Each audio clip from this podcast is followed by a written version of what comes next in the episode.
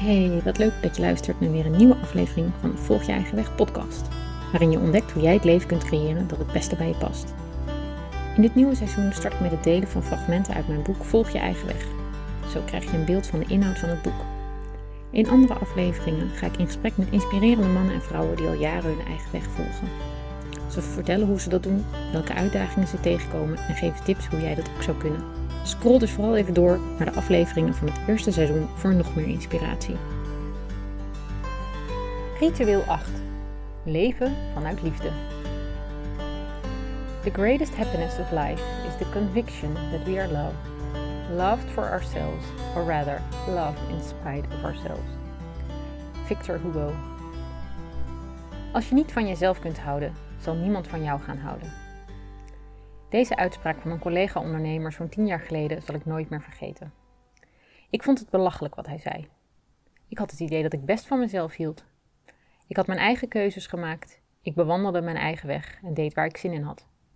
Voor mij was dat van mezelf houden. Toch voelde ik ergens wel dat hij gelijk had.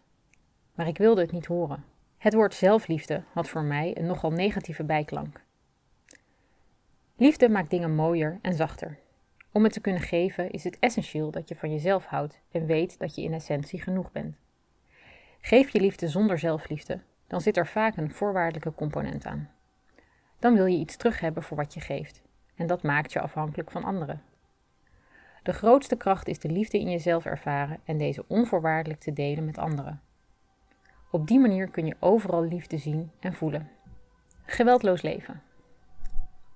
Op het moment dat ik het achtvoudig pad van yoga ging volgen, viel het kwartje. De eerste les van het achtvoudig pad gaat over geweldloos leven.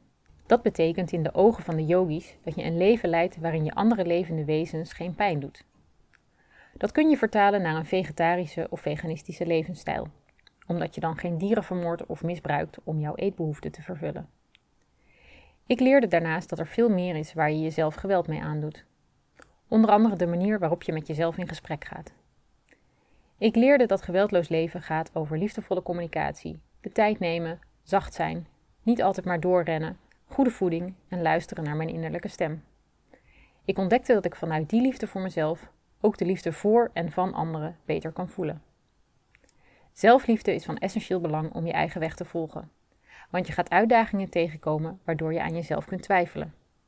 In het volgen van je eigen weg ben je continu aan het leren, je zet nieuwe stappen en dan gaat er wel eens iets mis. Wees op alle momenten liefdevol naar jezelf. Leg het bijltje er niet bij neer. Lach om het proces en begrijp dat je meerdere keren tegen een steen aan zult lopen voordat een verandering beklijft. Ga door tot het lukt. Verandering gaat niet van de ene dag op de andere. Het gaat erom dat je elke dag een kleine stap kunt zetten en daar de verandering in kunt zien. Liefdevolle communicatie. Als je vanuit liefde leeft, communiceer je ook liefdevol. Dat betekent dat je luistert, anderen de ruimte geeft hun verhaal te doen en niet continu inbreekt als zij iets willen zeggen. Dit vraagt van je dat je echt weet wat jouw waarden zijn, wat jouw waarheid is en hoe je die kunt delen zonder een ander daar pijn mee te doen. In liefdevolle communicatie ben je eerlijk naar jezelf en de ander. Heb jij het gevoel dat je overal een mening over moet hebben? Of mag je ook wel eens zeggen dat je het niet weet? Dat je ergens geen antwoord op hebt? Liefdevolle communicatie betekent ook communiceren vanuit je hart. Echt delen wat je voelt en ervaart. Dat kan een uitdaging zijn in een wereld waarin we liever de schone schijn ophouden dan eerlijk vertellen wat in ons omgaat. Op school leer je niet wat eerlijk communiceren is en in werkomgevingen lijkt het logisch je anders voor te doen dan je bent. We leren om de waarheid heen te draaien en dingen mooier te maken dan ze zijn. De naakte waarheid is soms pijnlijk, maar kan mooie openingen bieden voor gesprekken die verder gaan dan het oppervlakkige. Iedereen heeft zo zijn redenen om iets op een bepaalde manier te doen. De intentie van de ander is vrijwel nooit om jou pijn te doen. Het gaat vaak veel meer over de ander dan over jou. Toch kun je je geraakt voelen door iets wat de ander zegt of doet. Als je daarop reageert vanuit jouw pijn of verlangen, dan kan het vervelende gesprekken opleveren. Als je durft te zien dat de ander reageert vanuit zijn zienswijze, dat jou dit raakt op een oud pijnstuk, dan kun je hier alleen maar van leren.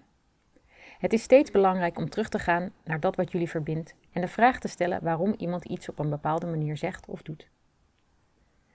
Vraag dus altijd verder als er iets is wat je raakt. Ik kom dit nog heel vaak tegen in mijn eigen manier van communiceren. Als ik me goed voel, dan kan ik heel goed doorvragen en zien dat de ander nooit iets zal doen om mij te kwetsen. Voel ik me minder goed, dan heb ik het gevoel dat iedereen tegen me is en me pijn wil doen. Dankjewel voor het luisteren. Heb je interesse gekregen in mijn boek Volg je eigen weg? Ga dan naar mijn website irenevangent.com shop en bestel. De link vind je ook in de show notes. Je krijgt een gesigneerd exemplaar thuisgestuurd en met de code podcast betaal ik jouw verzendkosten. Tot gauw!